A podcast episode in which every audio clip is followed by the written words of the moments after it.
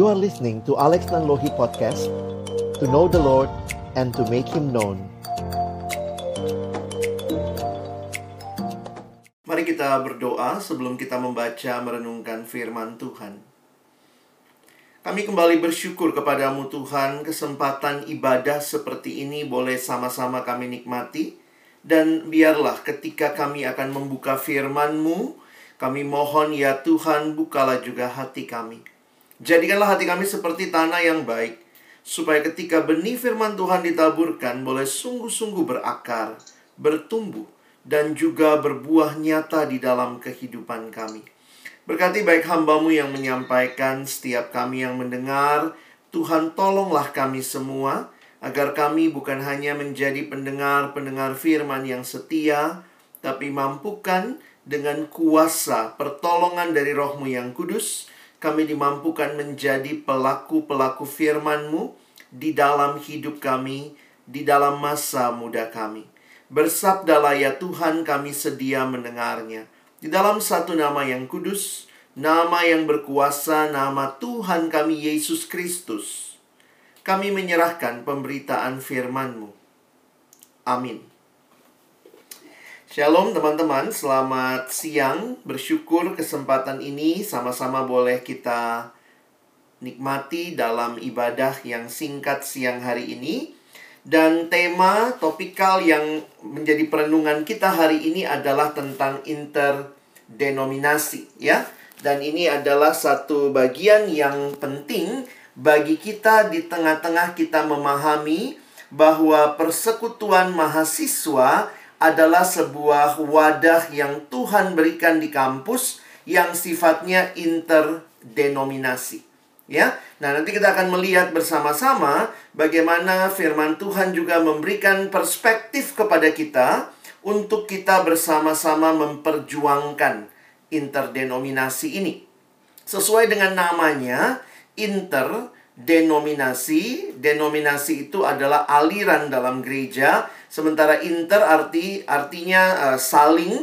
Jadi ini bersifat uh, antar aliran, ya. Jadi persekutuan mahasiswa bukanlah di bawah sebuah aliran tertentu, tapi kita bersama-sama di dalam sifat yang antar aliran ini kita bisa melihat keindahan yang Tuhan berikan kepada kita. Nah, Firman Tuhan yang mendasari perenungan kita dalam ayat yang tadi sudah dibacakan juga, kita akan melihat Yohanes 17 ayat 20 sampai ayat yang ke-23. Teman-teman bisa perhatikan, uh, Abang sudah tulis ayat-ayatnya di layar kita.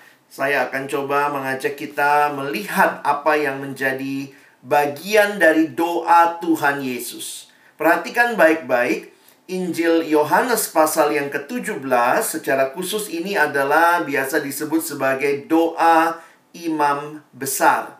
Jadi ini doa Yesus yang dicatat dan cukup panjang karena bagiannya kalau kalian perhatikan ada uh, ada doa yang Tuhan Yesus sampaikan yang pertama untuk kemuliaan Bapa, yang kedua dia berdoa untuk murid-muridnya. Nah, ini bagian ketiga, ya. Ini adalah doa Yesus untuk gerejanya. Mengapa disebut demikian? Perhatikan ayat 20-nya. Ya.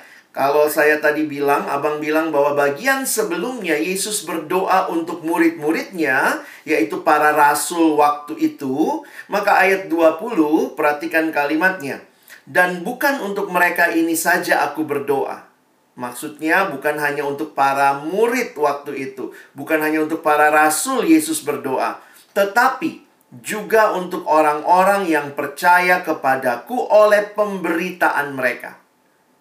Siapakah yang percaya melalui pemberitaan para rasul ya kita, ya gereja Tuhan. Sampai hari ini kita adalah gereja yang percaya kepada berita yang disampaikan di dalam kitab suci. Perjanjian lama, nabi-nabi, perjanjian baru, rasul-rasul. Demikian kata Efesus, di atas dasar rasul dan nabi ini, gereja Tuhan berdiri. Jadi menarik sekali, Tuhan Yesus mendoakan gerejanya. Kita, gereja Tuhan didoakan. Nah, apa isi doanya? Nah, ini menarik untuk kita perhatikan, ayat 21.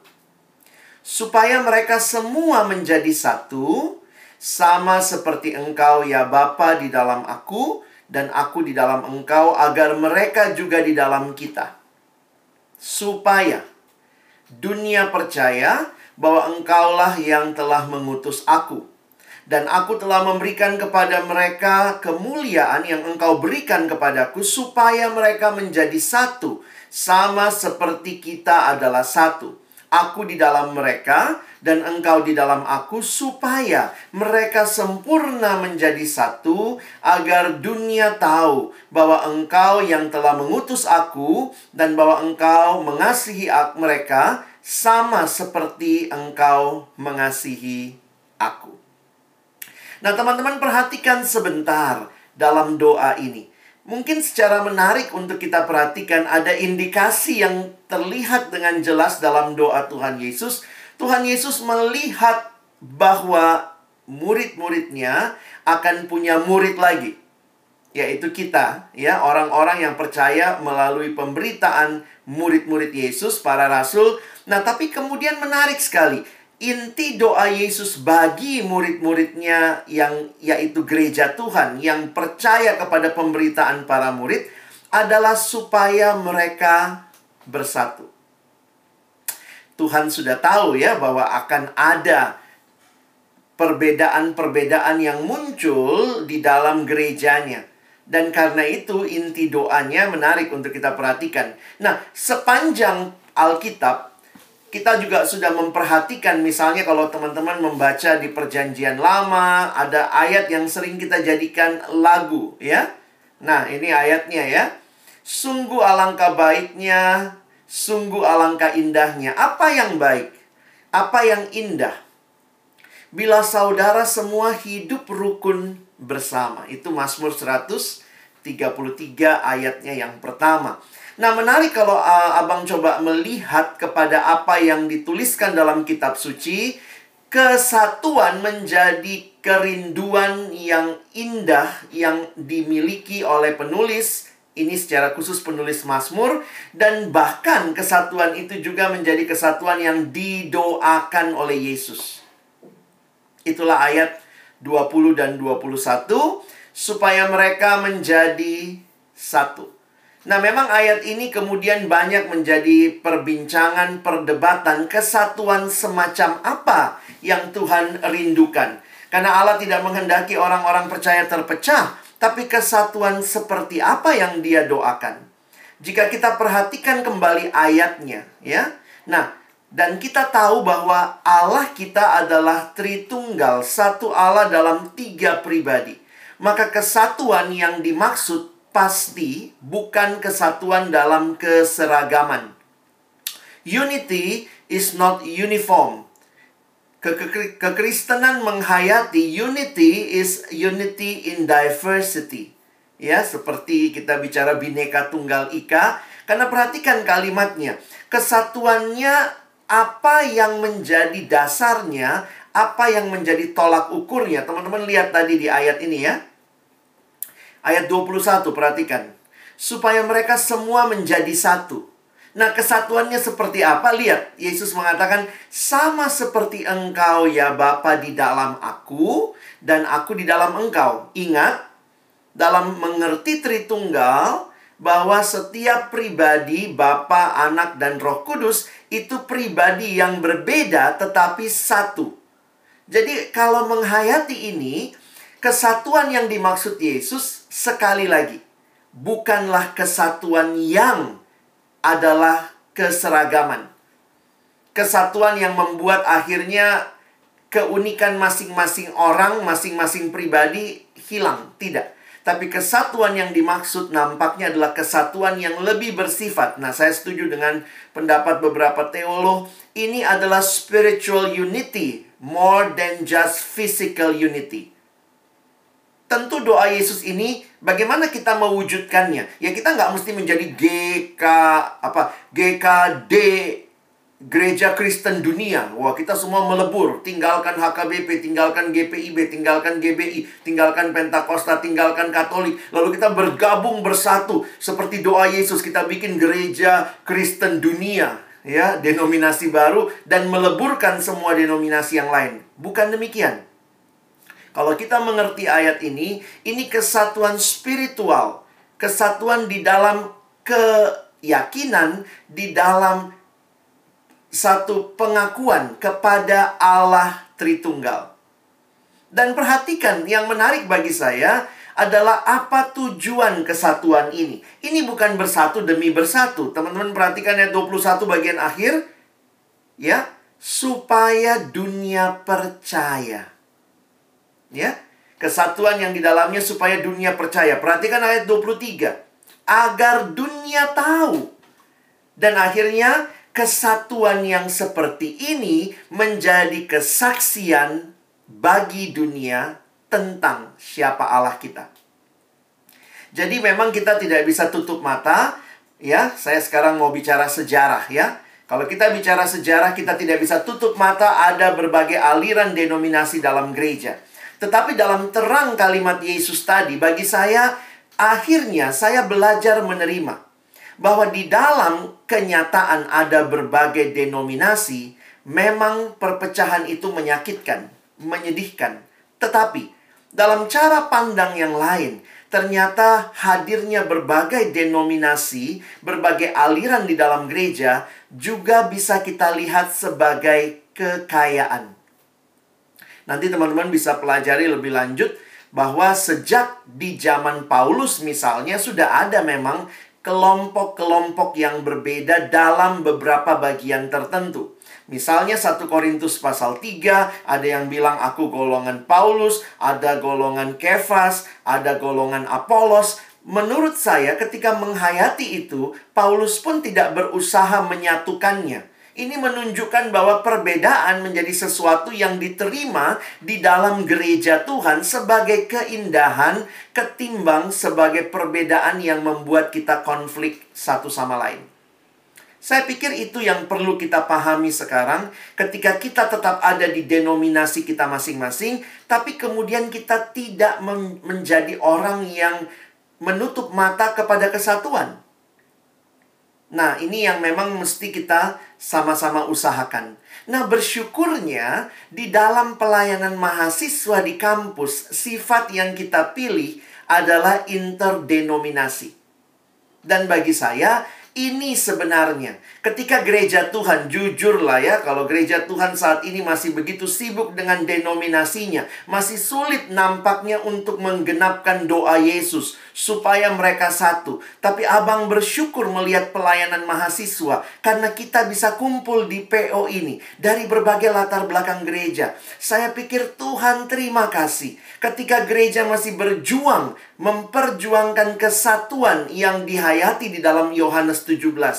PO, Persekutuan Mahasiswa, telah Tuhan pakai menjadi alat kasih karunia yang menyaksikan tentang kesatuan itu di kampus kita. Ya. Nah, tapi sekali lagi, waktu bicara interdenominasi, jangan kemudian melupakan tetap ada denominasi. Kenapa kita perlu paham ini? Karena kalau kita kemudian mengatakan interdenominasi itu menyadakan denominasi atau bahkan kita membentuk denominasi baru, bukan ini bukan itu tapi ini denominasi baru namanya interdenominasi, kita miss the point of being one in Christ. Ya. Nah, kalau kita perhatikan di dalam gereja sebenarnya di sepanjang sejarah gereja itu selalu ada upaya-upaya untuk membuat uh, perpecahan dari kepalsuan. Jadi, kalau itu perpecahan karena kepalsuan, saya pikir itulah yang kita hayati, itu gereja yang sesat. Nah, coba perhatikan bagan yang abang akan berikan. Sebenarnya di dalam menghayati gereja, kita tuh ada dalam dua stream besar. Ada gereja yang benar, ya, dan ada gereja yang sesat. Ya, kenapa dibilang sesat? Ini bidat ya.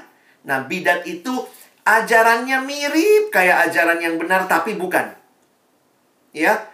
Mereka mungkin pakai Alkitab juga, tapi bisa jadi Alkitabnya ditambah atau dikurangi atau kemudian ditafsirkan dengan pemahaman mereka sendiri. Nah, paling gampang membedakannya bagaimana? Gereja yang sesat itu biasanya tidak menerima pengakuan iman rasuli. Kenapa? Perhatikan fokus iman kita ada pada pengakuan iman rasuli. Kalau kita bicara pengakuan iman rasuli itu sebenarnya intisari ajaran kitab suci. Kita percaya kepada Allah Bapa, percaya pada Yesus, percaya pada Roh Kudus, Allah Tritunggal. Nah, ketika ada yang mengatakan Yesus itu bukan Allah, yang Allahnya itu cuma yang Bapa. Yesus itu ciptaannya Bapa. Jadi dia Allah level 2. Langsung kita sebut itu bidat. Ya, bidat itu menolak biasanya menolak Yesus sebagai Tuhan, menolak Roh Kudus sebagai Tuhan, padahal pengakuan gereja kita berdasarkan pengakuan iman rasuli adalah pengakuan kepada Allah Tritunggal, Bapa, Anak, dan Roh Kudus. Jadi hati-hati, kalau ada perpecahan karena bidat, let it be, karena memang sesat, ya itu beda. Nah, ada yang tanya gitu ya, apa bedanya bidat sama bodat, ya? Bidat itu mirip ajaran yang benar, tapi tidak demikian. Kalau kita gali lebih dalam, nggak demikian. Demikian juga bodat ya. Mirip kayak manusia. Tapi waktu kau lihat, ah bodat kau ya. Ini monyet, bukan manusia. Sehingga kita mesti memahami. Jadi ada perpecahan karena perbedaan ajaran menghasilkan gereja yang benar di satu sisi dan kemudian ada gereja yang bidat, yang sesat di sisi yang lain. Oke. Okay? Nah, kemudian dari gereja yang benar ini, nah di sini pun kita menyadari ada perbedaan-perbedaan dan akhirnya ini menimbulkan ada dua bagian. Ada gereja yang sehat, berpegang pada ajaran yang benar, tetapi juga ada gereja yang kurang sehat. Pegang ajaran benar, tetapi perhatikan, yang kurang sehat itu cirinya biasanya menekankan doktrin tertentu secara berlebihan. Jadi kita menemukan gitu ya dalam realitanya ada gereja-gereja yang kurang sehat, misalnya menekankan doktrin tentang uh, apa? Tentang tentang bagian tertentu misalnya persembahan. Wah pokoknya ajarannya semua persembahan persembahan. Mereka percaya Yesus Tuhan dan Juru Selamat? Percaya. Tapi fokus utamanya atau penekanan pengajarannya kepada pengajaran tertentu nah itu membuatnya menjadi gereja yang kurang sehat. Jadi teman-teman lihat dulu nih ya sketsanya bahwa ada perbedaan-perbedaan seperti ini. Nah di dalam sejarah kita akhirnya melihat juga bahwa ah, saya bicara yang sebelah kiri. Ya, ini masalah gereja yang benar. Nah, gereja yang benar kalau kita lihat sejarah kira-kira pada tahun 1054 terjadi perpecahan besar pertama, itu yang disebut Great Schism. Skisma gereja pertama. Jadi bayangkan dari gereja perdana itu nyatu, tapi kemudian sekitar tahun 1054 gereja timur ya memisahkan diri dengan sangat tegas karena memang ada beberapa perbedaan dan ini menjadi gereja ortodoks. Dari mana sumbernya? Semua dari gereja perdana sebenarnya ya. Nah, tapi kemudian gereja barat yang kemudian disebut gereja uh, Katolik Roma nah itu pecah lagi pada tahun 1517.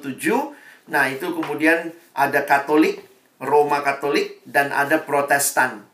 Nah, kita harus mengerti juga bahwa dalam realitanya banyak aliran muncul lagi di dalam gereja Protestan. Gereja Katolik cenderung tetap menyatu. Gereja Timur sebenarnya banyak juga bagian-bagiannya, tetapi mereka juga lebih menyatu. Nah, gereja Protestan yang menarik ya, kalau kita lihat sejarah, nah ini memang sejarah yang kita nggak bisa tutup mata, bahwa ada berbagai perpecahan yang timbul karena berbagai masalah. Ada yang masalah karena tradisi, ada yang masalah karena ajaran, walaupun bukan pada ajaran-ajaran yang inti. Karena ingat, Mereka tetap menerima pengakuan iman rasuli, tetapi dalam hal tertentu, misalnya dalam hal kepemimpinan gereja, itu ada berbagai perbedaan. Nah, mungkin kita tanya, loh, kok Bang bisa ada perbedaan?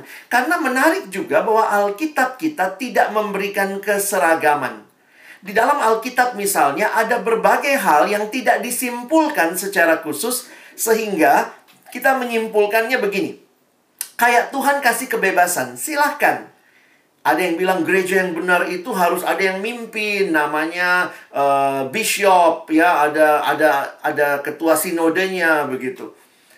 Nah, ada nggak model begitu? Ada. Kalau kalian lihat ada juga di dalam Alkitab model itu. Terus ada yang bilang enggak, gereja itu yang mimpin harusnya majelis, maka ada sistem kemajelisan begitu ya. Yang pimpin bukan orang tertentu tapi kemajelisan. Ada nggak sistem itu? Ada juga di Alkitab. Ada lagi gereja yang bilang enggak gereja itu yang mimpin harusnya jemaat. Jadi akhirnya muncul tuh ya yang melihat bahwa harus dipimpin oleh satu orang namanya aliran episkopal misalnya. Tapi ada yang bilang enggak, harus dipimpin oleh sebuah uh, kemajelisan yang disebut presbiter, makanya disebut gereja presbiterian. Jadi ini masalah gereja saja, kekuasaan tertingginya ada di siapa, itu di Alkitab membebaskan karena ada berbagai pola. Yang mengatakan di pemimpin episkopal, nah contohnya kayak gereja Katolik gitu ya, itu menganut episkopal di mana paus lah pemimpin tertingginya, ayat yang dipakai Petrus di di atas batu karang ini aku akan mendirikan jemaatku. Lalu ada yang tadi presbiterian, gereja-gereja seperti GPI, BGKI ya yang punya sistem kemajelisan lalu kemudian ada sinodenya. Nah, itu menggunakan sistem presbiterian. Tapi kemudian ada yang bilang enggak, kekuasaan tertinggi ada di jemaat. Muncullah gereja-gereja dengan aliran congregational di mana kekuasaan tertinggi ada pada jemaat. Dan itu di Alkitab juga. Kalau kita lihat di berbagai di berbagai uh, konteks nanti baca kisah rasul ada semuanya gitu ya. Ada yang rasul-rasul di Yerusalem tapi kemudian Paulus waktu keliling dia angkat penatua. Jadi kalau kita berantemin hal seperti itu ya memang buat beberapa bagian nggak esensi banget ya tapi ternyata dalam sejarah ya telah membuat gereja menjadi berbagai bagian. Gereja-gereja yang lebih uh, congregational itu misalnya gereja baptis, gereja pentakosta juga beberapa itu setiap jemaat independen, tidak diatur oleh sinodenya. Nah, teman-teman ini realitanya. Tapi bagaimana kita melihat hal ini ya? Nah, satu buku yang bisa teman-teman akses kalau suka baca sejarah ya. Tapi saya pikir beberapa kesimpulannya menarik bahwa perbedaan-perbedaan doktrin itu sudah tidak terelakkan, sudah berlangsung 2000-an tahun. Ya. Dan saya pikir sekali lagi itu tidak membuat kita akhirnya melihat ini sebagai hanya sebuah perpecahan. Karena yang menarik biasanya menurut saya kalau kalian pelajari sejarah dalam hal-hal yang primer sama kok. Yesus Tuhan, Yesus juru selamat. Kita bedanya tuh kayak cara baptisan, kapan perjamuan kudus, berapa kali perjamuan kudus setahun gitu ya. Nah karena itu nomor dua. Perbedaan doktrin yang ada bukan dalam doktrin primer. Kalau dengan doktrin primer itu langsung jadi gereja sesat tadi ya. Begitu dia nggak terima Yesus sebagai Tuhan, udah. Nah kita tuh terima tapi perbedaannya dalam hal-hal tata ibadah, pemerintahan gereja, akhir zaman. Kita semua yakin Yesus pasti datang. Tapi ada gereja yang meyakini Yesus datangnya nanti kita diangkat dulu ke awan-awan. Ada yang bilang nggak ada angkat-angkat langsung datang. Nah itu kita semua meyakini Yesus pasti datang. Tapi bagaimana tahap kedatangannya? Karena Alkitab tidak memberikan sebuah skenario. Nah jadi kalau kita pelajari makanya gereja dalam memahami doktrin sepanjang sejarah. Nah ini menimbulkan banyak perbedaan. Perbedaan tersebut jangan dipikir selalunya jelek ya bisa bawa manfaat. Karena orang Kristen bisa dikuatkan dengan give and take. Kita bisa discuss, kita bisa saling mendoakan. Dan kita juga bisa bicara hal-hal yang tidak disepakati dan tanpa harus bermusuhan. Kamu percaya pengangkatan, saya tidak percaya pengangkatan. Kamu percaya baptisan harus waktu masih kecil, saya percaya baptisan misalnya harus waktu sudah besar. Itu tidak membuat kita terpecah. Kita meyakini yang menyelamatkan bukan baptisan kan? Yang menyelamatkan Yesus Kristus. Nah, yang percaya sama Yesus dibaptisnya kayak apa? Nah, itu kan masalah sekunder sebenarnya. Ya, karena kita diselamatkan bukan karena banyaknya air, ya. Jadi kadang-kadang kalau orang diskusi, ayo lu mesti baptis cara ini nih biar lu selamat betul. Loh, apakah selamat karena jumlah air? bukan begitu ya. Nah, jadi saya pikir menarik sekali untuk memperhatikan eh, perbedaan-perbedaan uh, ini. Yang keempat, tidak ada satu struktur organisasi tunggal yang bisa mewakili gereja. Nah, saya sudah bilang tadi ya, karena di dalam Alkitab sendiri juga terbuka. Nah, karena itu, hati-hati dengan sektarianisme, menganggap kecenderungan menganggap gereja saya lah yang paling sempurna. Selama kita dalam dunia, kita sadar there is no perfect church. Perfectnya kapan bang? Ya nanti waktu Yesus datang. Ya udah, kita sekarang berarti ada di dalam gereja-gereja yang tidak perfect, tetapi gereja-gereja yang terus berjuang menghidupi kebenaran. Dan dalam hal yang sama intinya, kita sama, tapi dalam hal yang lain kita mesti mengakui kita ada perbedaan. Ada yang bilang, oh gereja saya paling sempurna bang. Hmm, benar. Ada yang bilang gini, kalaupun ada gereja yang sempurna banget, Begitu kamu masuk, join jadi anggota di situ, maka langsung gerejanya jadi nggak sempurna. Ya, kalian tahu lah gara-gara siapa ya. Jadi memang tidak ada dari kita yang sudah sempurna. Nah, karena itu gereja juga men sebenarnya menyatakan begitu ya, kesatuan. Yang kelima, kesatuan didasarkan pada Injil yang sama. Ya, jadi kita percaya pada Injil yang sama, diekspresikan melalui kerjasama antara berbagai denominasi yang berbeda. Jadi kita akhirnya tidak bicara perbedaan-perbedaan walaupun ada, tapi kalau kita mau bicara perbedaan ya balik ke gereja masing-masing. Dan saya melihat menarik ya, hal ini terjadinya indahnya di PMK, di PO, di persekutuan mahasiswa. Kita tuh bisa duduk sama-sama memikirkan program tanpa bergumul, berdebat soal bagaimana cara baptisan, siapa yang harus memimpin gereja. Karena saya pikir ya ada hal yang lebih esensi. Apalagi pembinaan di mahasiswa kan paling banter 3-4 tahun.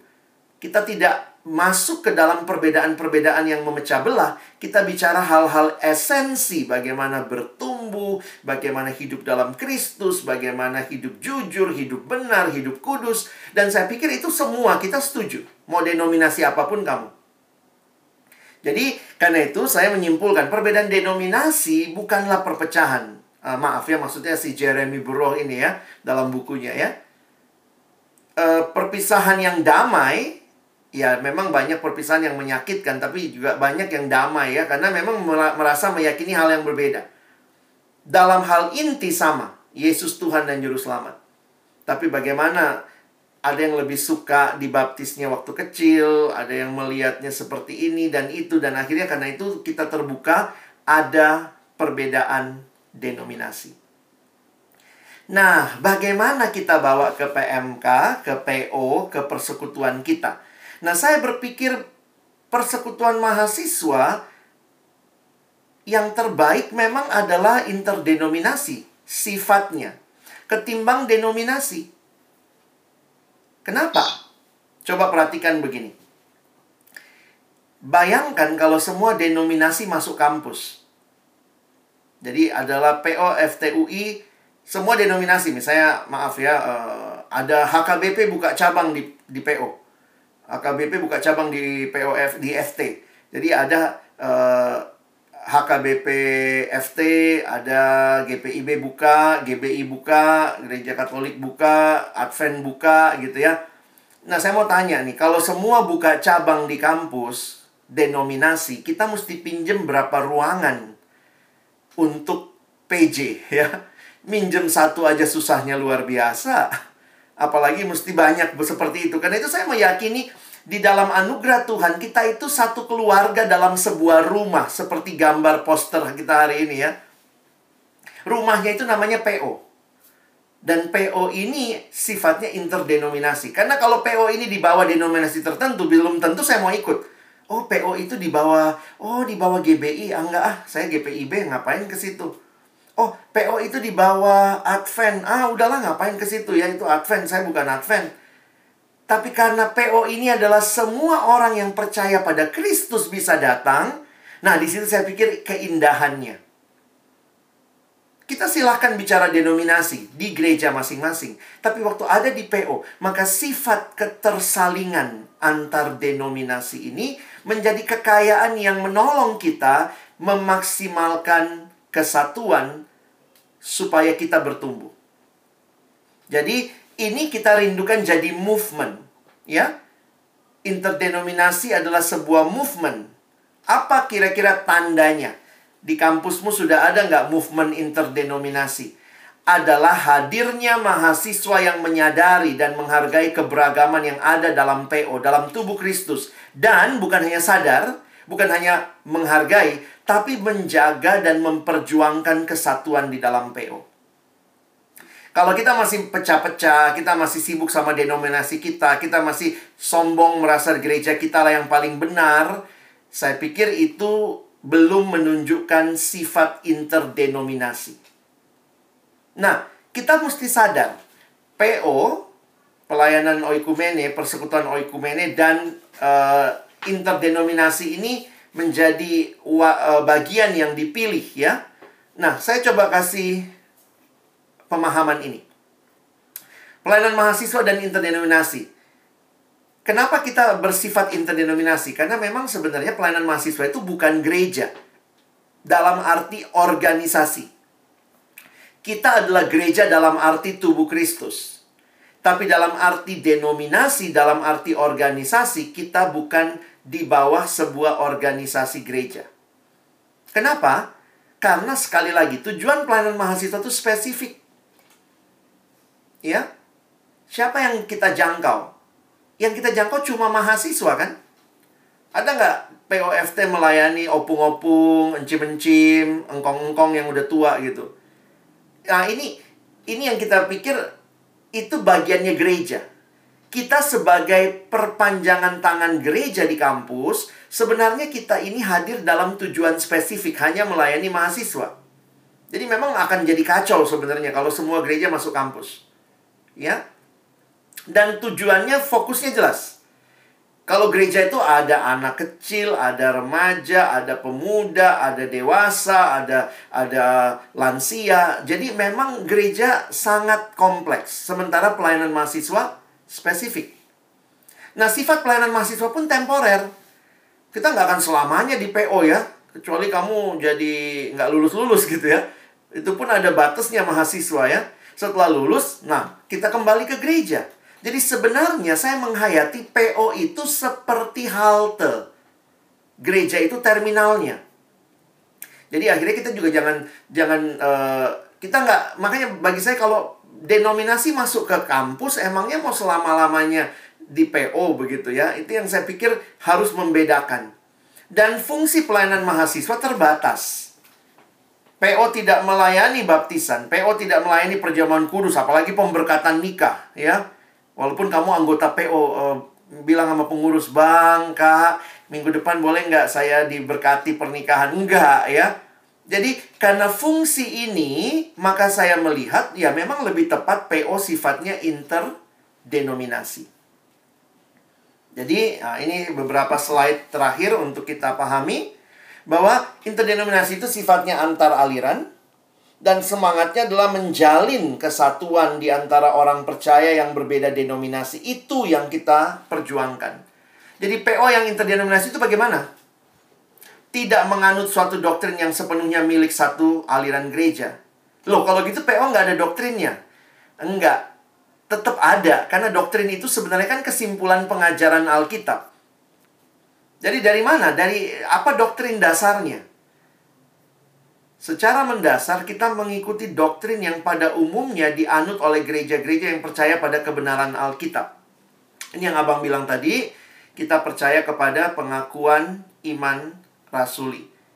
Kita percaya Yesus adalah Tuhan, Yesus adalah juru selamat, Yesus bukan manusia biasa, dia bukan manusia super. Kita percaya Roh Kudus bukan cuma kuasa tapi adalah pribadi Allah. Kita percaya bahwa Alkitab adalah firman Tuhan, bukan Alkitab mengandung firman Tuhan yang lainnya firman iblis. Kita menghayati. Nah, itu dalam kepercayaan-kepercayaan utama kita berpegang kepada apa yang Alkitab sampaikan. Lalu bagaimana kita menyikapi perbedaan? Nah, saya pikir justru menarik ya di dalam PO ini kita bisa berdiskusi dengan teman dari aliran yang berbeda. Kalau misalnya kalian masuk dalam kelompok kecil, kita akan bersyukur ya. Wih, ini dari gereja X. Y. Kita bisa sharing, saling sharing. Dan akhirnya pengalaman abang ya, sering kali perbedaan doktrin yang begitu kelihatan sebenarnya bukan kontradiksi teman-teman. Kalau kita mau rendah hati aja, itu banyak yang bukan kontradiksi tapi perbedaan yang menurut saya saling melengkapi. Karena kita nggak, kadang-kadang kita berantem untuk hal-hal yang sama-sama nggak jelas. Ya, dalam arti begini, bukannya Alkitab tidak jelas, tapi Alkitab memberikan kebebasan. Jadi kita berantemin antara A dan B yang Alkitab sebenarnya bilang no problem mau A silahkan B silahkan. Nah jadi itu jadi uh, hal yang menarik untuk kita pikirkan. Jadi bagaimana mengusahakan interdenominasi? Saya pikir ini semangat yang harus kita bangun. Pengajaran dalam PO haruslah what the Bible say. Jadi bukan cuma begini. Saya pikir diskusi yang baik di antara kita bukan, ih kata pendetaku begini, kata doktrin gerejaku begini di denominasiku harus begini. Tapi yuk kita sama-sama belajar. Alkitab bilang apa sih?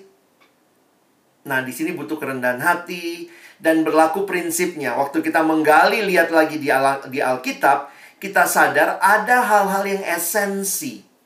Hal yang esensi kita harus sama.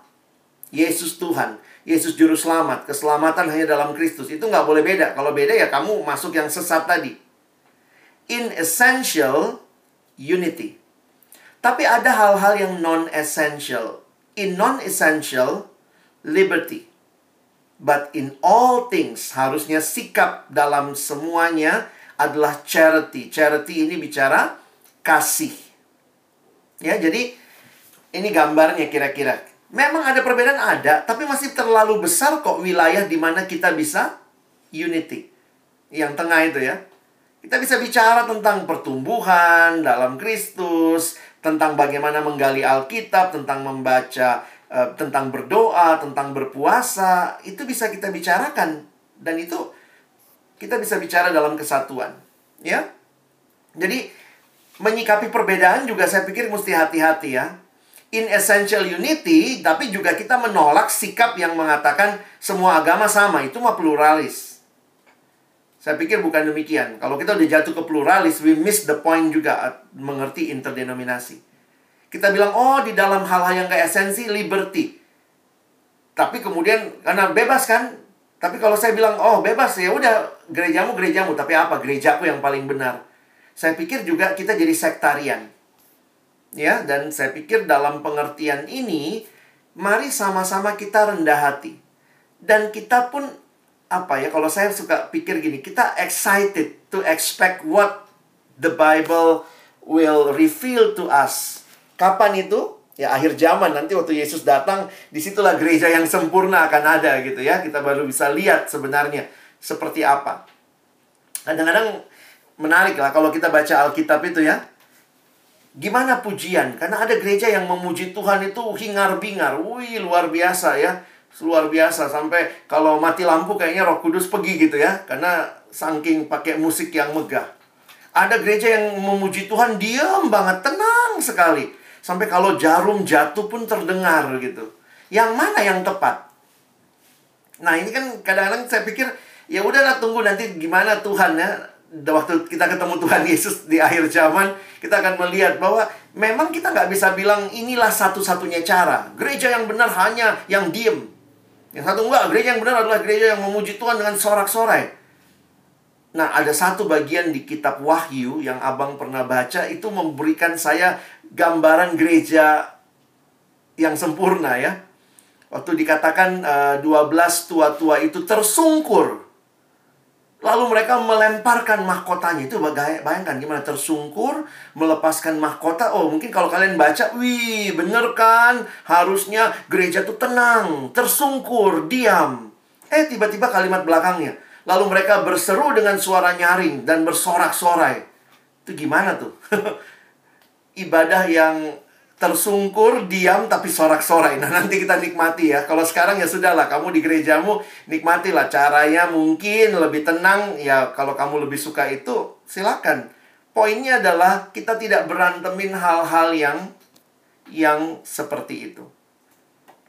Nah, karena itu ini beberapa slide terakhir ingat ya PO bukan gereja. Sehingga kita tidak melakukan aktivitas-aktivitas yang khusus di gereja. Nah, kita menghayatinya mungkin lebih tepat saya pikir begini ya. PO ini perpanjangan tangan gereja. Walaupun banyak gereja yang nggak terlalu dukung PO ya. Karena mungkin gereja curiga, kok jemaatku malah disuruh melayani di kampus gitu ya. Kalau kita menghayati sebenarnya gereja tuh per, eh, PO ini perpanjangan tangan gereja. Habis dibina di PO, siapa yang nikmati pembinaan kamu dibina? Gerejamu. Jadi saya pikir gereja harusnya nggak boleh curiga sama pelayanan mahasiswa ya. Karena kita sebenarnya sedang membangun orang, kita nggak bikin gereja baru, kita membangun orang untuk dia dibangunkan dan dibalikkan ke gerejanya. Jadi tidak boleh terjadi tindakan pindah gereja. Saya pikir PO yang interdenominasi bukanlah menyuruh-nyuruh orang pindah gereja. Kalau kamu memang pindah karena kesadaran sendiri setelah belajar saya kok lebih cocok yang sana. Kamu pindah bukan karena disuruh PO. Tapi karena kamu belajar, kamu sadar, kamu mau me, me, lebih tepat merasa ada di denominasi tertentu, silakan. Nah, jadi jangan juga menganggap ibadah rutin PO setiap Jumat, tiap Minggu itu sudah menggantikan ibadah gereja. Sampai hari Minggu nggak mau ibadah. Kenapa? Kan udah waktu hari Jumat kemarin. Ada yang bilang, kan ngasih persembahan juga gitu ya. Tapi kita nggak demikian. PO hadir men mendukung gereja. Nah, jadi kesimpulannya, PO hadir di kampus sebagai wadah interdenom, bukan hanya untuk diri sendiri, tapi untuk mendukung gereja Tuhan. Saya pikir PO harus sadar itu ya. Kita hadir untuk mendukung gereja Tuhan, membina orang-orang yang akan kembali berkarya di gereja. PO sebagai alat pemersatu jemaat, Harusnya PO tetap interdenom, jangan PO jadi sumber perpecahan. Ya. Harus terus ditingkatkan peran PO dalam kesatuan ini. Dan yang terakhir, keterlibatan kita di dalam dan melalui PO sebenarnya ini memupuk semangat oikumene yang akan berguna bagi masa depan gereja. Saya pikir indah sekali ya, kira-kira mungkin 10-15 tahun lagi masing-masing kan lulus dari kampus, lulus uh, udah nggak di PO, tapi kemudian kamu ada di gereja masing-masing. Lalu kemudian kamu jadi majelis mungkin di gerejamu. Terus waktu ada kerjasama dengan gereja ini. Terus waktu kamu lihat, wih ternyata teman saya loh majelis di sana. Dan modal kita yang dinikmati waktu PO, saya pikir itu modal yang sangat berguna bagi masa depan gereja yang masih sibuk dengan denominasinya. Kiranya PO menjadi alat Tuhan membangun kesatuan yang dirindukan. Satu waktu kelak pasti terjadi karena itu kehendak Tuhan supaya mereka semua satu. Itu gambaran yang kita lihat di dalam kitab Wahyu. Nah, bagi saya itu sekali lagi bukan gambaran keseragaman karena dituliskan di kitab Wahyu. Lalu aku melihat sejumlah besar orang, kumpulan orang yang sangat banyak, tapi ada kalimatnya dari berbagai suku, latar belakang, ya, suku bahasa. Jadi saya melihat bahwa Tuhan menyatukan kita tanpa menghilangkan perbedaan-perbedaan kita. Kenapa? Karena itu justru makin menunjukkan betapa Allah kita bukan juga Allah yang cuma satu, Allah satu pribadi. Kekristenan percaya kepada satu Allah yang menyatakan diri di dalam tiga pribadi. Jadi, kiranya setelah kalian mengerti interdenominasi ini, kalian jadi bisa lebih menghargai PO, lebih terlibat di dalamnya, sama-sama membangun, dan akhirnya kalian paham betul ini semua buat mendukung gereja Tuhan yang akhirnya menggenapkan doa Tuhan Yesus. Kiranya Tuhan menolong kita sebagai anggota-anggota di PO, mungkin banyak adik-adik baru, angkatan baru, apaan sih PO ini? Nah, kiranya kalian makin memahami makin terlibat bukan hanya karena wajib mabim mabim tapi benar-benar ini wadah yang Tuhan berikan loh di kampus untuk kita terus bertumbuh kenal Tuhan. Mari kita berdoa. Bapak Surgawi terima kasih buat firman-Mu.